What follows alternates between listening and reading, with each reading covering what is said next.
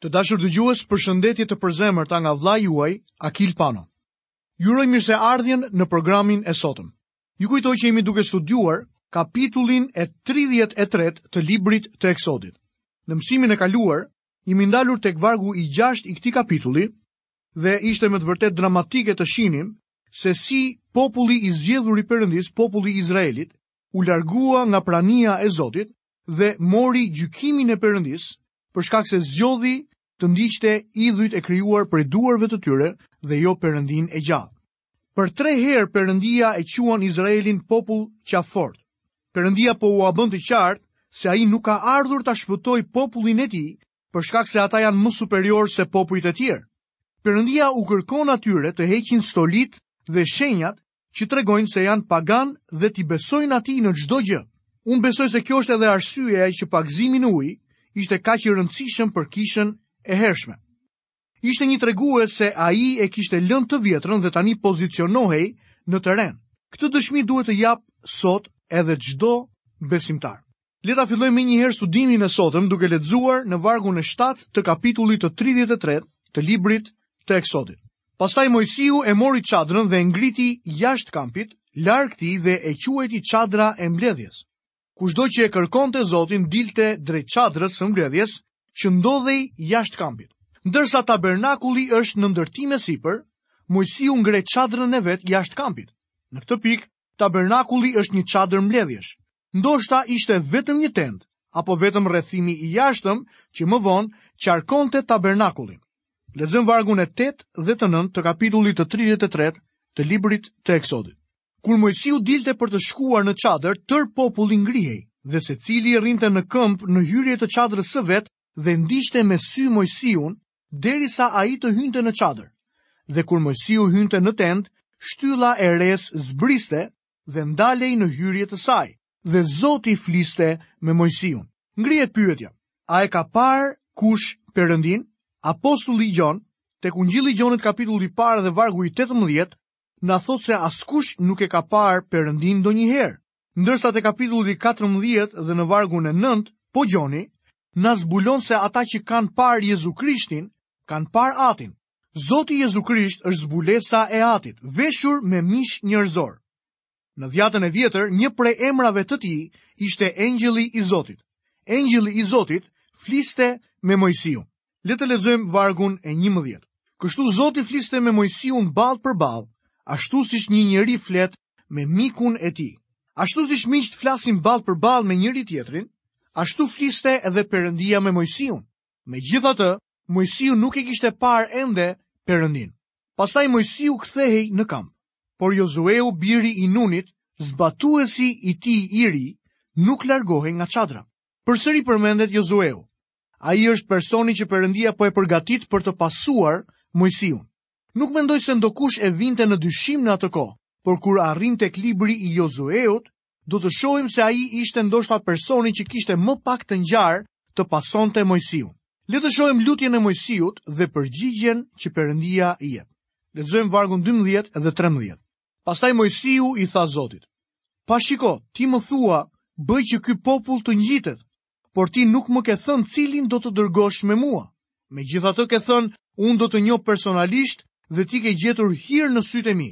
Prandaj, tani që më ke me sy të mirë, më bëj të njohura rrugët e tua, që të kem mundësi të të njoh dhe të fitoj hir në sytë e tu.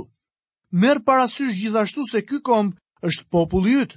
Mojsiu po kërkon të njëjtën gjë si Pali tek letra drejtuar Filipianëve në kapitullin e 3 dhe vargun e 10. Pali thotë, që të mund të njoh atë. Dhe Filipi tek Gjoni kapitulli 14 dhe vargu i 8, këtë kërkoi ndërsa tha, na trego atin dhe kjo na mjafton. Unë besoj se çdo bir i sinqertë i Perëndisë ka përbrenda tij një dëshirë të papërmbajtur për ta njohur Perëndinë. Lexojmë vargun e 14 dhe të 15. Zoti iu përgjigj. Prania ime do të shkojë me ty dhe unë do të të jap prehje. Atëherë Mojsiu i tha: Në qoftë se prania jote nuk vjen me mua, mos na nis që këtej. Mojsiu e dinte se kishte nevojë për prezencën e Perëndisë në jetën e tij. Ai e dinte se i vetëm nuk do të mund t'ia dilte dot. Lexojmë tani tek vargu i 16 në kapitullin e 33 të librit të Eksodit. Si do të mund të dihet tani që unë dhe populli yt kemi gjetur hir në sytë e tu? Ndofta kjo ndodh sepse ti vjen me ne Kështu unë dhe populli yt do të dallohemi nga tërë popujt e tjerë që jetojnë mbi faqen e dheut. Është e rëndësishme të vëmë re se Perëndia i bëri izraelitët një popull të veçantë për një arsye të caktuar. Kisha gjithashtu është një popull i veçantë, por fakti që i përkasim atij nuk na bën më të mirë sesa të tjerët. Ai vetëm na jep disa shanse më shumë në jetë, shanse që të tjerët nuk i kanë. Lexojmë vargun e 17. Zoti i tha Mojsiut, do ta bëj edhe këtë gjë që ke kërkuar sepse ti ke gjetur hir në sytë e mi dhe të njoh personalisht. Mojsiu po i afrohet shumë Perëndisë. Tani biseda e tyre mund të quhet fare mirë, bisedë midis miq të ngushtë. Lexojmë vargun e 18. Atëherë Mojsiu tha: "Tregom lavdinë tënde." Në të vërtetë, Mojsiu nuk mund ta shihte Perëndinë ballë për ballë. Dhe kjo është arsyeja pse Mojsiu kërkon që ai të shohë lavdinë e Perëndisë. Lexojmë vargun e 19. Zoti iu përgjigj: Unë do të bëj që të kalojë para teje gjithë mirësia ime dhe do të shpall emrin e Zotit para teje. Do të fal atë që do të fal dhe do të mëshiroj atë që do të mëshiroj. Apostulli Pal e përdor këtë varg tek letra e tij drejtuar romakëve në kapitullin e 9 dhe vargun e 15, ku ai thotë: Sepse ai i thotë Mojsiut, do të fal atë që do të fal dhe do të mëshiroj atë që do të mëshiroj. Lexojmë më poshtë në vargun e 20. Dhe tha akoma, ti nuk mund të shohësh fytyrën time, sepse asnjë njeri nuk mund të më shikojë dhe të jetojë. Është fakt miqtë e mi se askush nuk ka për ta parë Perëndinë ballë për ballë. Lexojmë më poshtë vargun e 21 dhe deri në vargun e 23. Pastaj Zoti tha: Ja një vend afër meje, ti do të rrish mbi shkëmbin, dhe ndërsa do të kalojë lavdia ime, unë do të të vë në një të çarë të shkëmbit dhe do të të mbuloj me dorën time derisa të kem kaluar. Pastaj do ta tërheq dorën time dhe ti do të më shikosh nga kurrizi, por fytyra ime nuk mund të shihet. Ky pasazh flet për lavdinë e Zotit që me fjalë të tjera është një përfaqësim i Perëndisë. Zoti Jezus tha se kur të vijë për herë të dytë, do të jetë një shenjë e birit në qiell. Tek Ungjilli i Mateut, kapitulli 24 dhe vargu i 30, na jepet ky informacion. Dhe atëherë do të duket një shenjë në qiell, shenja e birit të njeriut, dhe të gjitha kombet do të mbajnë zi dhe do ta shohin birin e njeriut duke ardhur mbi retë e qiellit me fuqi dhe lavdi të madhe. Mendoj se shenja është lavdia shekina, që na përshkruhet tek Eksodi kapitulli 33 nga vargjet 21 deri në vargun e 23. Kur Krishti mori mbi vete trup njerëzor, lavdia mungonte. Ai mori një vend të përulur dhe e la më një anë lavdinë. Megjithatë, ai ishte perëndi. Prandaj ai mund të thoshte, kush më ka parë mua, ka parë Atin. Ne nuk kemi për ta parë Perëndinë. Ne do të shohim Zotin Jezu Krisht dhe ai do të jetë me trajtë njeriu, sepse kjo është trajta që mori kur ishte në tokë. Sot, Jezusi është në trup të përlëvduar dhe një ditë ne do të jemi si ai. Na thuhet tek letra e parë e Gjonit kapitulli 3 dhe vargu i 2. Shumë të dashur, tani jemi bij të Perëndisë. Por ende nuk është shfaqur se çfarë do të jemi, por dimë se kur të shfaqet ai, do të jemi të ngjashëm me të, sepse do ta shohim si është ai. Kjo është shpresa e besimtarëve që ecin me besim. Kjo është edhe rruga që Moisiu do të marrë. Ai e dinte se prania e Perëndisë do të ishte me të, përndryshe e priste dështimi. Ne kemi nevojë për praninë e Perëndisë për të përballur problemet e jetës së përditshme. Të dashur dëgjues, këtu kemi përfunduar edhe studimin e kapitullit të 33 të librit të eksodit. Tani së bashku do të fillojmë studimin e kapitullit të 34. Tema e këtij kapitulli janë pllakat prej guri rishkruhen. Shpallet emri i Zotit dhe fytyra e Mojsiut shkëlqen. Lexojmë në kapitullin e 34 të librit të Eksodit nga vargu i parë deri në vargun e 4. Zoti i tha Mojsiut: "Preji dy pllaka guri ashtu si të parat dhe unë do të shkruaj mbi fjalët që ishin mbi pllakat e para që theve." Kështu ji gati në mëngjes, në mëngjes dhe ngjitu në mëngjes në malin Sinai, dhe qëndro aty afër meje në majë të malit. Askush të mos ngjitet bashkë me ty dhe të mos duket asnjë njeri në tërë malin, as kope me bagëti të imët a të trashë përreth këtij mali. Kështu Mojsiu preu dy pllaka guri si të parat, u ngrit herët në mëngjes dhe u ngjit në malin Sinai, ashtu siç e kishte urdhëruar Zoti, dhe mori në dorë të dyja pllakat prej guri. Këto janë pllakat e dyta të ligjit. Pllakat e para u thyen nga Mojsiu kur zbriti nga mali Sinai dhe pa se bijtë e Izraelit kishin bërë një viç të artë dhe po e adhuronin. Ai rikthehet në mal me pllaka guri bosh. Le të shohim shpalljen e emrit të Zotit. Lexojmë vargun e 5. Atëherë Zoti zbriti në renë dhe u ndal aty pranë tij dhe shpalli emrin e Zotit. Zoti shpall emrin e tij. Ky është një përparim i jashtëzakonshëm si për Mojsiun, ashtu dhe për bijtë e Izraelit. Emri mbart kuptim. Kur dëgjohet emri Cezar, për çfarë mendoni? Kur dëgjoni emrin e Abraham Lincolnit, çfarë ju kujtohet? Kur dëgjoni emrin Ismail Qemali, çfarë ju vjen ndër mend? Në mendjet tuaja konfiguroni disa imazhe. Perëndia shpall emrin e tij dhe dëshiron që izraelitët të kujtojnë përjetimet me Perëndinë që nga koha e daljes nga Egjipti. Lexojmë në kapitullin e 34 të Eksodit, vargjet 6 dhe 7. Dhe Zoti kaloi pranë tij dhe thirri, Zoti Perëndia i përjetshëm, i mëshirshëm dhe i dhembshur, i ngadalshëm në zemërim, i pasur në mirësi dhe besnikëri, që përdor mëshirën për mijëra njerëz që fal padrejtësinë, shkeljet dhe mëkatin, por nuk e lë të pandëshkuar fajtorin. Perëndia nuk e jep mëshirën e tij duke mbyllur sytë ndaj fajtorit ose duke thënë: Unë do ta harroj atë mëkat. Mëkati duhet ndëshkuar dhe dënimi sigurisht që duhet paguar. Pa dyshim që Perëndia e pastron fajtorin, por çfarë ndodh më pas? Si arrin ai të tregohet i mëshirshëm dhe të merret me paudhësinë në të njëjtën kohë? Për shkak të flijimit që është siguruar. Flitë që ofronte Izraeli në ato kohëra nuk e largonin mëkatin, por ishin një tregues drejt flisë së përsosur që do të vinte, Zotit Jezu Krisht që e largoi mëkatin me vdekjen e tij në kryq. Le të shohim vargun e 7. Dhe që viziton padrejtësinë e etërve mbi bijtë dhe mbi bijtë e bijve deri në brezin e tretë dhe të katërt. Është mirë të mbajmë parasysh se sot mund të bësh një mëkat që mund të ketë ndikim jo vetëm mbi ty, por edhe mbi bijtë e tu, mbi bijtë e bijve të tu, mbi bijtë e bijve të bijve dhe mbi bijtë e bijve të bijve të bijve të tu. Kur isha në universitet, studioja edhe psikologji anormale. Për pak pranova një bursë për të vijuar studimet më tej në këtë fushë. Një ditë shkuam për një tur në një spital që personat me shqetësime mendore ishin. Aty na treguan forma të ndryshme anormaliteti. Të gjithë pacientët vuanin nga forma të ndryshme të sëmundjeve nervore.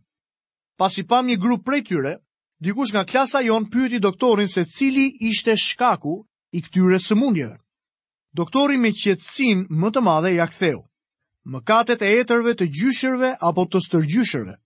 Ndërsa një doktor tjetër më mori një mëngjes në spitalin ku do të operonte disa fëmijë të verbër, megjithëse atyre do t'u kthehej vetëm një pjesë e të parit. Çfarë ua shkakton verbërinë? e pyeta.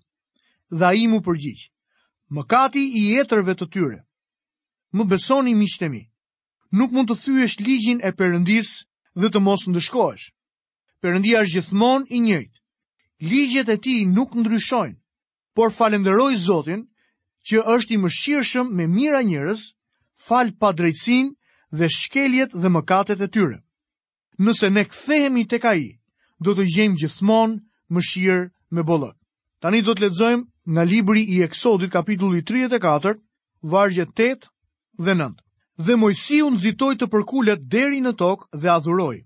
Pastaj tha: O Perëndi, në rast se kam gjetur hir në sytë e tu, eja në mes nesh, sepse ky është një popull me qafë të fortë. Na fal padrejtësinë tonë dhe mëkatin tonë dhe na merr si trashëgiminë tënde. Të dashur dëgjues, kjo është edhe hera e katërt që populli i Izraelit quhet qafëfortë. Shpresoj që deri tani ta keni kuptuar se Perëndia nuk e zgjodhi Izraelin sepse ishte më superior apo më i talentuar apo se diti se si mund të sillej në mënyrë të favorshme përpara Perëndisë. Me gjithë dashurinë e shfaqur të Perëndisë ndaj tyre, dhe privilegjit që ta njihnin atë, izraelitët vazhdonin të ishin një popull me qafë të fortë. Le të shohim urdhrin e Mojsiut i cili përsëritet. Lexojmë vargun e 10. Zoti u përgjigj: "Ja, unë po bëj një besëlidhje. Do të bëj para gjithë popullit mrekulli që nuk janë bërë kurrë mbi të gjithë dheun dhe në asnjë komb tjetër. Dhe tërë populli në mes të të cilit ndodhesh, do të shohë veprën e Zotit, sepse është e tmerrshme ajo që do të bëj me ty. Fjala e tmerrshme do të thotë ta terrorizosh dikë. Kjo fjalë nuk ka të njëjtin kuptim me atë që i japim ne sot fjalës i tmerrshëm. Kjo ishte pjesë e mburojës që vendoste Perëndia rreth popullit të tij. Nëse Perëndia nuk do ta kishte bërë këtë gjë, ata do të ishin përpirë nga armiqtë e tyre. Lexojmë vargun e 11. Këqyr atë që po të urdhëroj sot. Ja unë do t'i dëboj para teje amorejt, kananejt, hitejt, perizejt, hivejt dhe jebusejt. Perëndia thotë se ai do t'i dëbojë të gjithë armiqtë e popullit të tij dhe se kjo është hera e tretë që ai e përmend këtë fakt. Lexojmë vargun e dymbëdhjetë. Ruhu se bën ndonjë aleancë me banorët e vendit në të cilin ke për të vajtur, me qëllim që të mos jetë një grackë për ty. Perëndia i paralajmëroi të mos bënin asnjë besëlidhje me asnjërin prej popujve që jetonin në vendin ku populli i Zotit do të shkonte.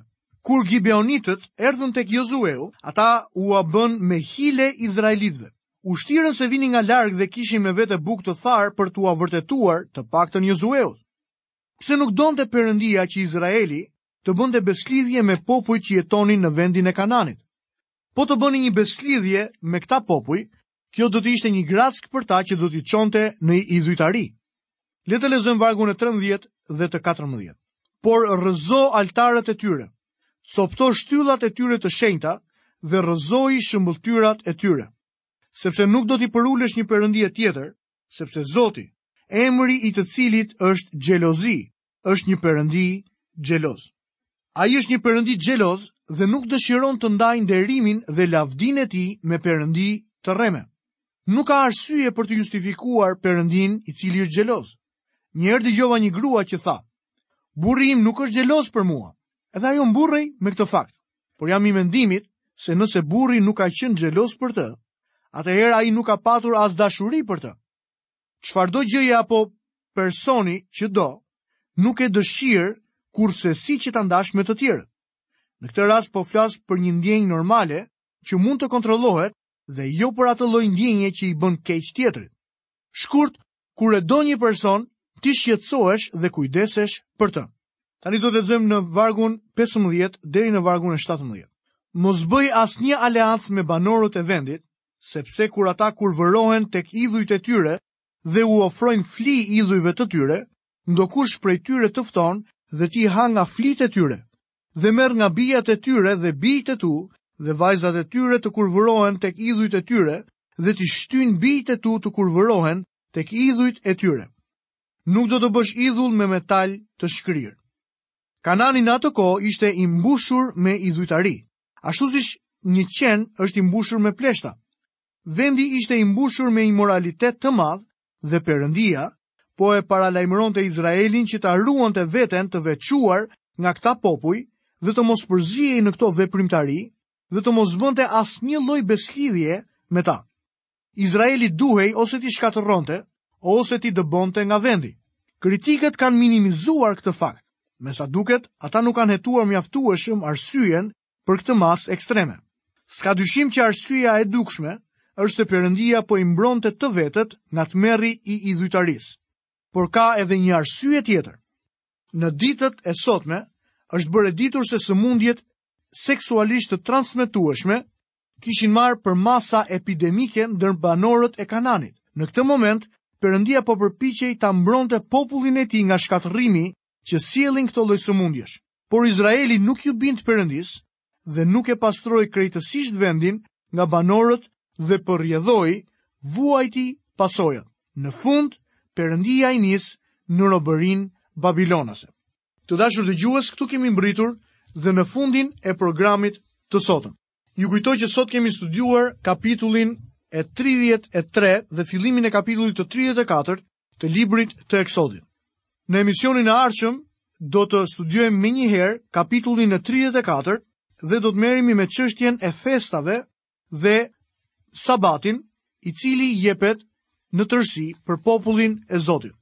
Deri atëherë, nga vëllai juaj Akil Pano paçi të gjitha bekimet e Perëndisë dhe paqen e tij në jetën tuaj. Bashkë, mirudëgjofshim.